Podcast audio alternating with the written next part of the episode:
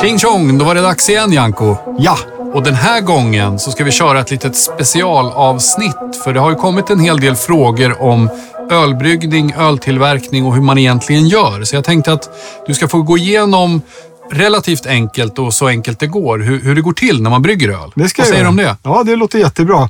Ibland tänker jag att vi förutsätter att de som lyssnar på Janko-podden kan mer än vi tror och vi vill ju att alla ska kunna lyssna och då vill man ju veta hur eh, öl tillverkas. Ja. Så jag tänkte jag ska försöka förklara vad som är speciellt då för öltillverkning. Mm, gärna.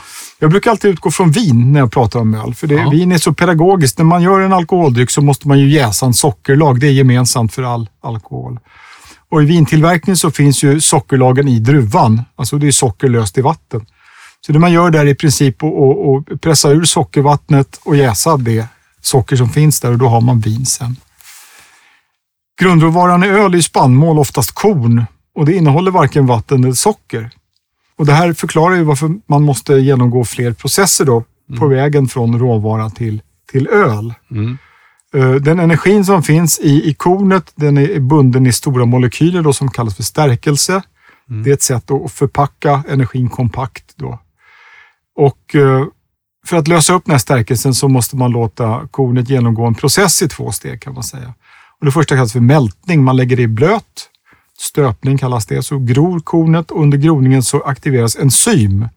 Och det är en sorts proteiner då som finns i levande organismer, även i, i vår matspjälkningsapparat till exempel, då, vars syfte är att lösa upp stora molekyler till mindre så att man kan tillgodogöra sig näring. Och, och det här kornet tror att det ska bli ett nytt strå på en åker eller ja, det är ju ett gräs från början. Så att, Tänk ju- vad förvånat det blir. Ja, vad förvånat Ja, det blir. Men ja. det börjar ju gro då. Ja. Och för att den här groningen ska kunna komma igång Mm. och få näring från den, de kolhydrater som finns i, så, så börjar enzymer aktiveras för att liksom lösa upp stärkelsen till socker. Men innan det blir eh, socker så avbryter man groningen och det gör man med varmluft. Det kallas för kölning. Och det är nu som man bestämmer, oftast görs det här då eh, med indirekt uppvärmd luft idag. Det gjordes ju med, med direktvärme förr. Vilket kunde göra att det blev lite rökigt. Men nu kan man reglera temperaturen mer precis och då kan man göra med lägre temperatur då ljus malt.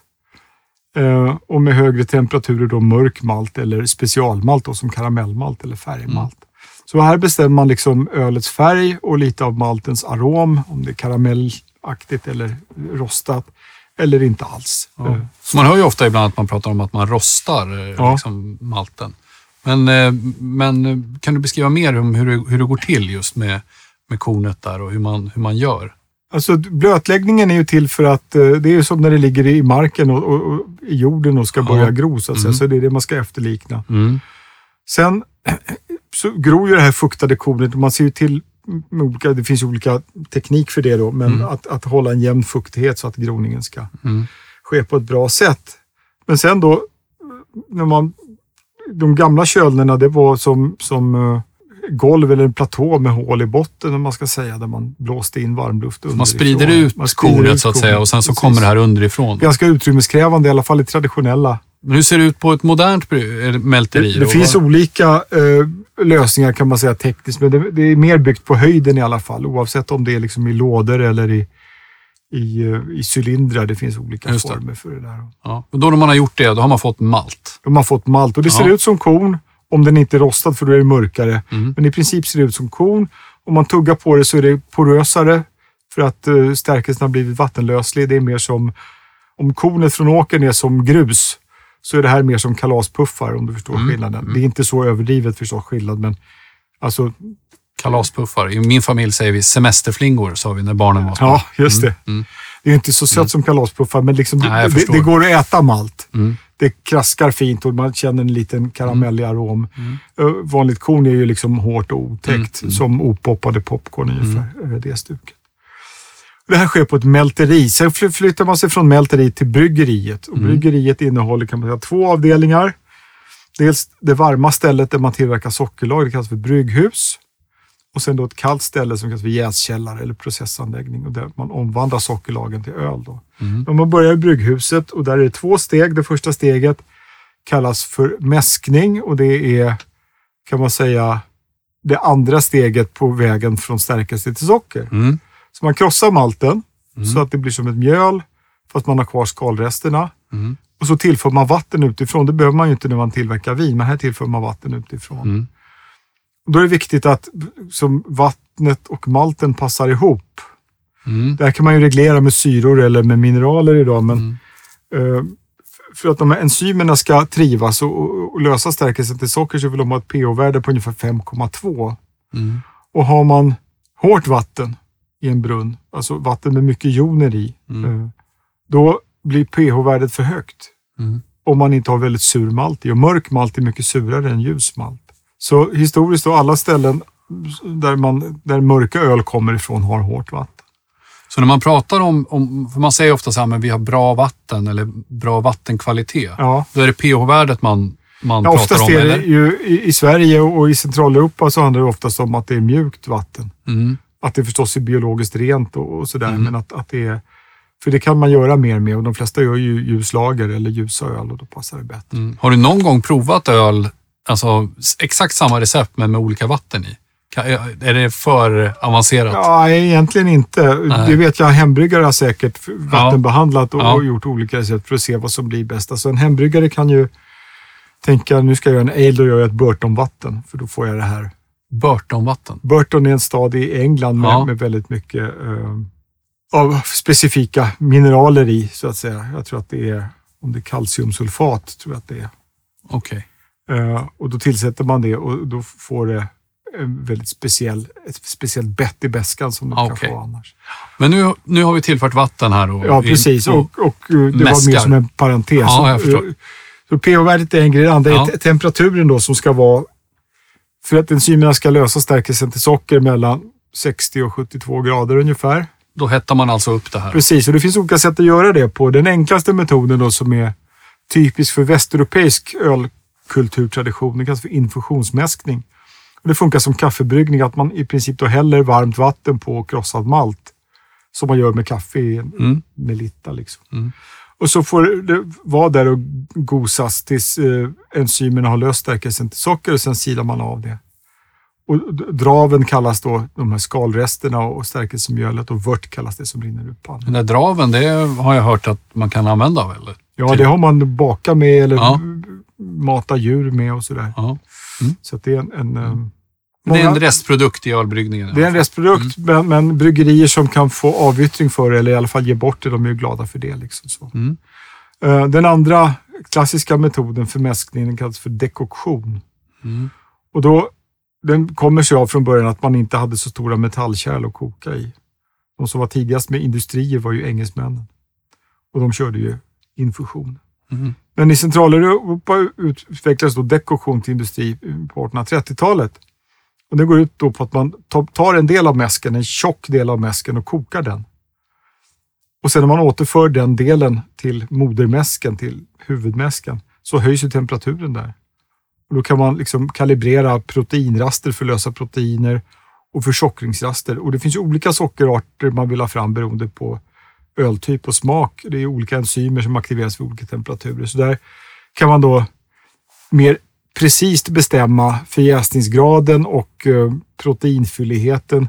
Plus att själva kokningen också ger en bättre upplösning av stärkelsen. Plus, tycker i alla fall jag, det vet jag att inte alla som tror på det, men jag tror på det, att man får liksom fler intressanta aromatiska komponenter till, till maltigheten. Så att, eh, vi är en del som tycker att eh, när det gäller lageröl så är dekoktionsmäskat överlägset. Mm. Mm. Men där går ju, där, du är inne på det själv, där finns det ju lite olika Mm. åsikter som det ofta gör. Absolut. Alltså, Ja. De som infusionsmäskar brukar kompensera för den enklare maltsmaken där genom att lägga i till exempel så här karapils eller någon ja, karamellmaltsort som ger Mm. lite mer fyllig maltkaraktär. Mm. Så, eh, I alla fall, huvudsyftet med mäskningen då är att lösa delvis protein men framförallt stärkelse till socker. Mm. Eh, och till olika sort, sockerarter beroende på förväntan hur torrt det ska bli eller sådär. Mm. Men när det är klart då, vilket kan ta allt ifrån ett par till ett, ganska många timmar om det är dekoktion, så silar man av eh, draven då, eh, får en vört. Och det andra steget i, i brygghuset är att man kokar vörten. Mm.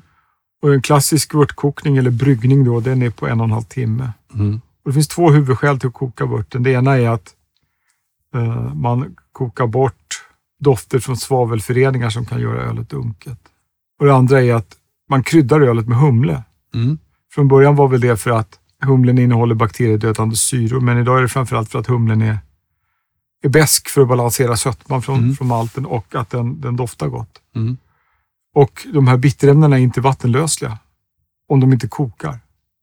Så att eh, man brukar säga att ungefär en timme tar det för att få allt vattenlösligt ur humlen. Då lägger man i, när man har vörten, då lägger man i humlen i vörten och kokar den. Precis, man kan lägga i precis före koket också, men det vanliga klassiska receptet är att du kokar upp vörten Mm. eh, och sen lägger du i humle ganska tidigt i koket.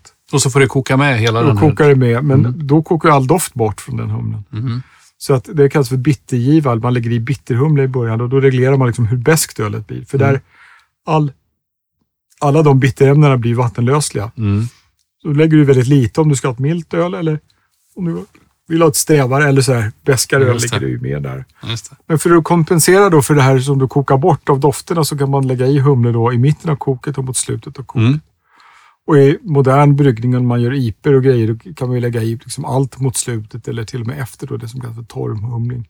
En engelsk metod från början. Och vissa använder ju till och med att man lägger som en strumpa, liksom att man lägger i humlen som man plockar ur sen. Ja, precis. Det finns, Det finns för massa olika sätt. humlekanoner där man liksom... Ja, just det. Ja, efteråt och så. Men det, Ja. det klassiska kan man säga är tre humlegivor i koket. Ja. Eh, Och ju senare humle man lägger i humlen, desto mer av doften blir det kvar då. Ja, men den här torrhumlingen, är det ett modernt påfund? Nej, det, alltså, den är klassisk när det gäller brittisk alebryggning framför allt. Och det har att göra med när man levererar ehm, levande öl till krogen, Mm. alltså real ale eller cask conditioned ale. Mm. Då la man ju lite färsk humle i fatet Just det. eh, inför leverans, för där finns det ju levande gäst fortfarande och det är Mm. liksom för att eh, hålla bakteriekulturerna borta och bidra till en större fräschör. Det är Mm. ju en konst liksom att få det optimalt precis när det ska Vad kallas den här, den här? Nu har vi ju kokat vörten då. Kallas Ja. den något särskilt? Bryggare säger bittervört, stamvört officiellt. Då. Stamvört. Ja, det kryddad vört i stamvört. Ja, för, för man har ju hört stamvörtstyrka. Ja. Har man ju hört några gånger. Och Precis. svårt att hålla ordning på vad det är. Vi har nämnt den någon gång Ja, tidigare. precis. jag, Ja. Nej, men det är när man i princip då, när man har kokat färdigt vörtet med humle i så, så mäter man sockerhalten. Det dunstar ju bort lite, men man vill ju veta hur mycket socker det är i före jäsningen. Mm. Och det var en, en bömare som hette Balling och sen en tysk som hette Plato som utvecklade en, en skala. De är beräknade, men det ger ungefär samma siffror då. Mm. Där ett eh, ordinärt öl ligger mellan 10 och 12 Mm. viktprocent socker. Jag tror vi nämnde det någon gång när folk som har varit i Tjeckien och så ser man att det står 12 procent. Ja, precis. Tänker man nu Nu jävlar. jävlar, Ja. nu går vi in i dimman. Just det. Men eh, det är... Du hade någon enkel matematisk formel för det där ungefär. Om det Alltså, står på- 12 procent. Precis, på viktprocenttiden var den enkel. Ja. Eh, Men, eh, vad ska man säga? Ungefär då, 12 procent stamvördsstyrka. Alkoholhalten är en tredjedel gånger 1,25. Okej. Mm. Får vi räkna. Ja, jag vet Nej, men det inte tredje, om det är finns- 12 då är det 4 Nej, och så, och- då är det 5 blir det då alltså. Ja, ungefär. precis. Ja, jag förstår. Så eh, ett, ett, ett, ett väldigt ordinärt öl från, från, de är lite svagare på brittiska öarna, men från Tyskland eller Tjeckien. Det ligger liksom på vörtstyrka 11-12 och alkoholhalt 4,5 till 5 ungefär. Då har vi den här stamvörten Stamvörten, precis. Ja. Eh, Vad är nästa steg då? Nästa steg då och är vi på den tredje platsen. Vi har varit på mälteriet i brygghuset och nu går vi till det kalla stället på bryggeriet, i Mm. jästkällan. Mm. Och eh, där då man kyler vörten och syresätter den eh, genom att den får luftas helt enkelt. Mm. Eh, eller på annat sätt i moderna, mer slutna anläggningar. Mm. Eh, och om det inte är spontanjäst då, vilket finns kvar på några ställen i Belgien, då tillsätter man en jästkultur. Mm. Och det är då jästen som omvandlar sockret till alkohol och koldioxid och ju varmare det är desto mer jäsningsbiprodukter blir det också. Så att i överjäst öl som ale så blir det också fruktiga dofter eller kryddiga dofter till det där. Mm. Och där får det ligga då i olika temperaturer beroende på jästart. Alltså överjäsning är ju oftast lite varmare, underjäsning lite kallare. Överjäsning, överjäst, ale, underjäst, lager. Lager, ja, grovt sett. Precis. Ale, veteöl, porter, uh, Altbier, överjäst öl typ. Mm. Och det är liksom från gammal fransk rumstemperatur på 14 grader upp till nästan 30 grader på vissa belgiska bryggerier. Så att det är en ganska enkel metod. Alltså allt det här som har med den västeuropeiska ölkulturella traditionen att göra är ju på ett sätt lite enklare. Infusionsmäskning, eh, jäsning utan att man behöver is eller kylmaskiner. Och ju varmare det är, desto fortare går det och desto mer jäsningsbiprodukter bildas det. Det är därför belgiskt och engelskt öl är mycket fruktigare i doften än vad tyskt och tjeckiskt Mm. öl är. Och de flesta som testar att brygga hemma, då är det ju såklart överjäsning man... Ja, Man åtminstone förr var det så att man gjorde Ja. liksom en... Jag skulle tro att det vanligaste första brygden är någon typ enklare så här American Pale Ale. Liksom. Mm. Ehm, för det är ganska lätt att lyckas med, Mm. tror jag. Mm. Men som sagt, uh, underjäst öl, lageröl, det jäser längre och eh, får inte alls lika mycket jäsningsbiprodukter. Ja. Och hur länge behöver det... Så överjäst öl några dagar. Mm. Underjäst öl sa man förr i alla fall att, att det ska jäsa, huvudjäsningen ska vara lika många dagar som vörtstyrkan är. Mm. Så 10 dagar för ett P, 10 öl. Alltså Mm. Plato 10. 12 dagar för ett P, 12 öl. Ja. Men Ja, nu har man ofta gått upp i, i temperatur lite grann och gått ner i tid för att det. tjäna pengar förstås. Man Ja. tycker det blir lika bra. Så.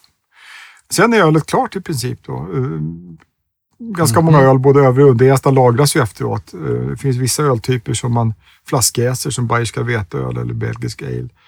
Och väldigt många filtrerar och pasteuriserar sina öl. också. men eh, jag saknar en grej här nu då. Ja. Kolsyran. Hur, hur funkar den? Var, var kommer den ifrån då? Kolsyran uppstår ju som en av två huvudprodukter vid jäsningen. Så att jästen är ju en svamp, en Mm. encellig organism som Mm. lever av socker.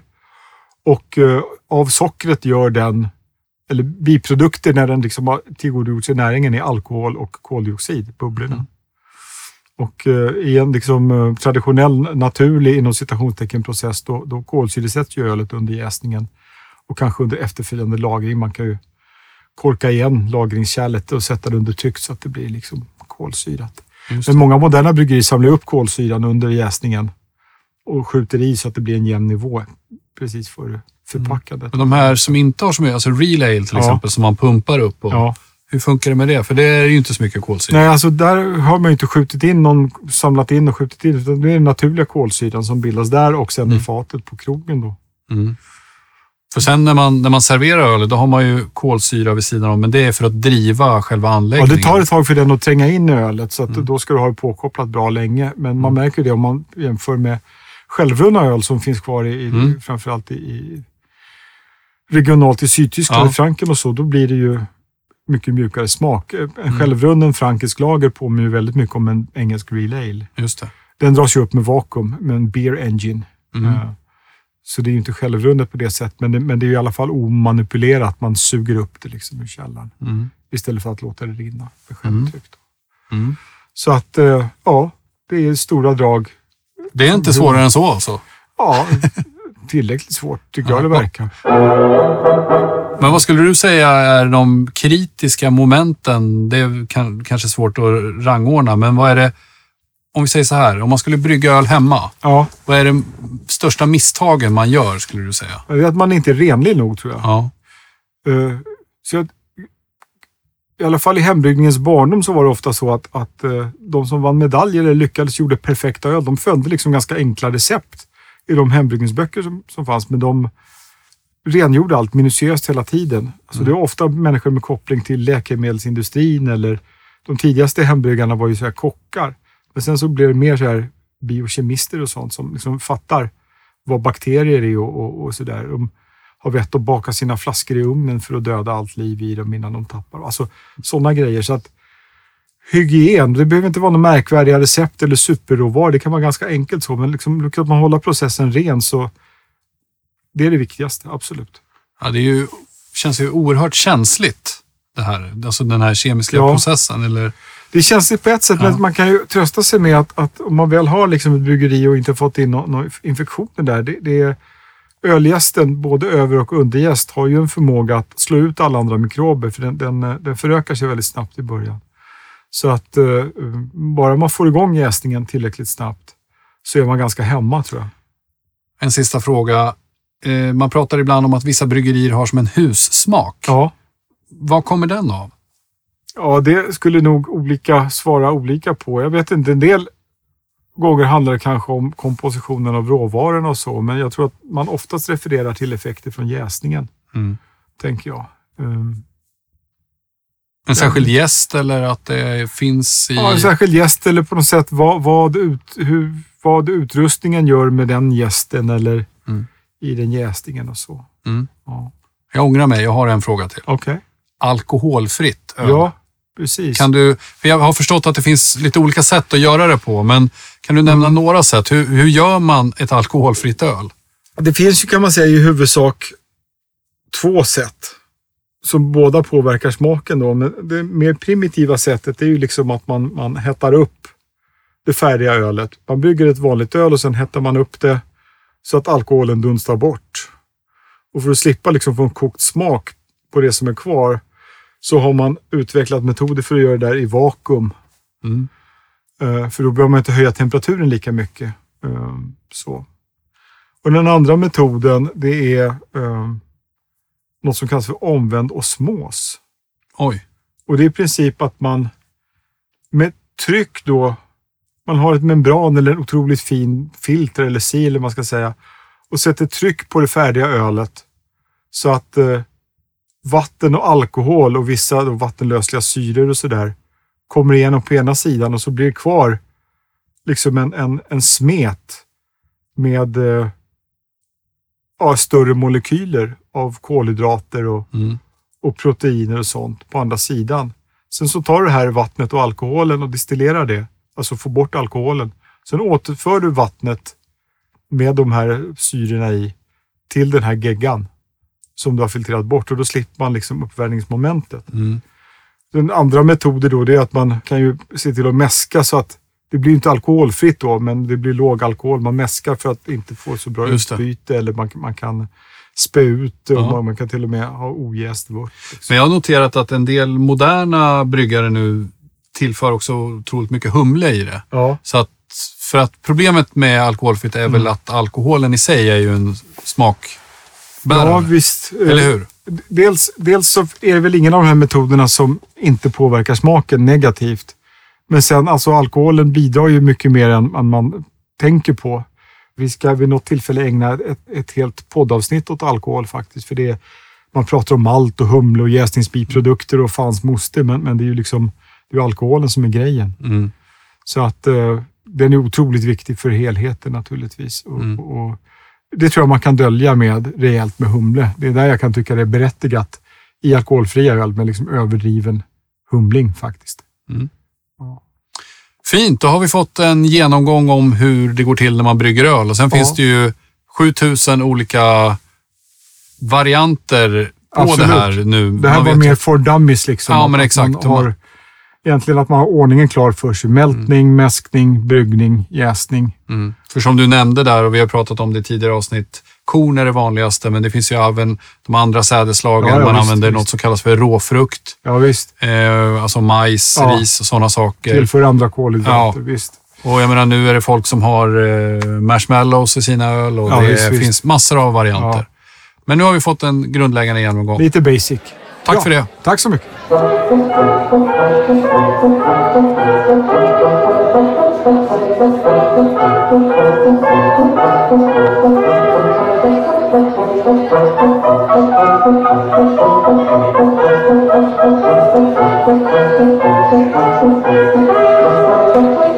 Thank